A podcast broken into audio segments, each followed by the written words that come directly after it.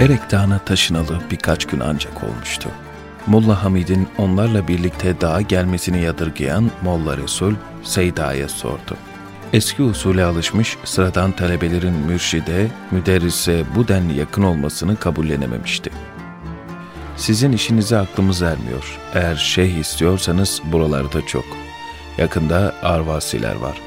Hoca istiyorsanız işte bizler varız. Bunu ne yapacaksınız ki? Daima çağırıyorsunuz. Seyda hayat boyunca ne bir ihtiyarı ihmal etmişti ne de hayata adımlarını yeni yeni atmaya başlamış bir çocuğu. Gençliği ihmal, geleceği ihmal demekti. Herkesin her vakit beslenmeye, manevi duygularla dolmaya ihtiyacı vardı. Kainatın sahibi bir insana kainat kadar masraf yapmışken, o hiçbirini hor göremezdi.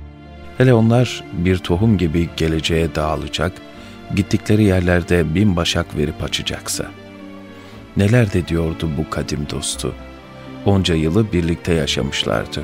Bakışını öğrenmiş olmalıydı. İzaha gerek duymadı, gülümsedi. Ne yapalım, Molla Hamit benim kapıcımdır. O gelmeden ben bir şey yapamıyorum dedi. Molla Resul, siz en iyisini bilirsiniz dercesine boynunu büktü. Seyda evradına devam etti. O etrafındaki biri bin görüyor, birle, binle konuşur gibi konuşuyordu. Talebeleri Seyda'nın tarzına, irşad üslubuna şaşırıyor, onu anlayamıyorlardı. Her biriyle o kadar ilgileniyor, onlara o kadar alaka gösteriyordu ki, kimin kimin hizmetinde olduğu karışıyordu. Yakılacak ateşi onlarla yakıyor, bazen çaylarını, çorbalarını bile eliyle verdiği oluyordu. Onlar neydi ki? Bunlar Molla Resul'ün de, Ali Çavuş'un da, Molla Yusuf'un da, Molla Hamid'in de, İsmail'in de, zaman zaman gelen giden talebelerin de aklına geliyordu. Biz kimiz, ben kim oluyorum ki diyorlardı kendi kendilerine. Herkesin ilgi gösterdiği, hürmet ettiği, dağları aşıp ziyaretine geldiği adam talebelerinin ve hatta her bir insanın üzerine niçin bu kadar titriyordu? Bir gün Zernabad suyu başında ders yapıyorlardı. Temiz su şırıl şırıl akıyor, lahutu bir hava etrafı sarıyordu.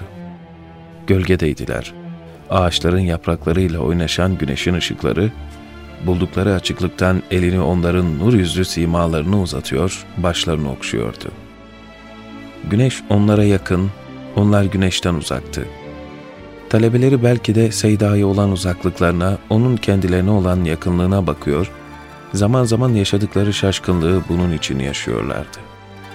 Seyda bir hocanın, bir alimin, bir dava adamının çok ötesinde bir şeydi. Bunu tarif edemeseler de hissediyor, biliyorlardı. Daha öyle olmamıştı. Günün o taze saatlerinde dimaları açıktı. Seyda'yı bir kamera, bir teyp dikkatiyle takip ediyor, hiçbir şeyini kaçırmamaya çalışıyorlardı. O tatlı günün tatlı sohbetinin sonlarına doğru Seyda'nın ses tonu değişti. Biraz daha derinleşti. Sanki uzaklardan, ufuklardan geliyordu. Duygulanmış, heyecanlanmış gibiydi.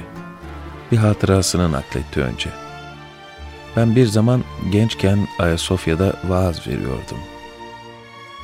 İşte bunun için şaşkınlardı ya, nereden nereye, kimlerden kimlere. Cami tıklım tıklım doluyordu. Kapıdan içeriye girmek mümkün değildi. İşte o cemaate verdiğim kıymeti aynen size de veriyorum. Talebelerinin dolu dolu fakat şaşkın bakışları Seyda'nın üzerinde bir kat daha yoğunlaştı. O devam etti. Demeyin bize niçin bu kadar ehemmiyet veriyor. Biz kimiz ki? Bundan ötürü kendinizi küçük görmeyin. Ben size o cemaat kadar ehemmiyet veriyorum. Nazarımda birsiniz. Bu bir görev yüklemek miydi? Yılmamak, ümidini yitirmemek miydi? Ne yapacaklardı? O tatlı suyu her şeye dağıtan birer musluk, her kulağa konuşan birer ağız mı olacaklardı? Sayının kıymeti inkar edilmese de önemli olan kalite miydi? Sohbet, Seyda'nın ufkunu ve yüreğini gösteren şu müthiş sözle noktalandı.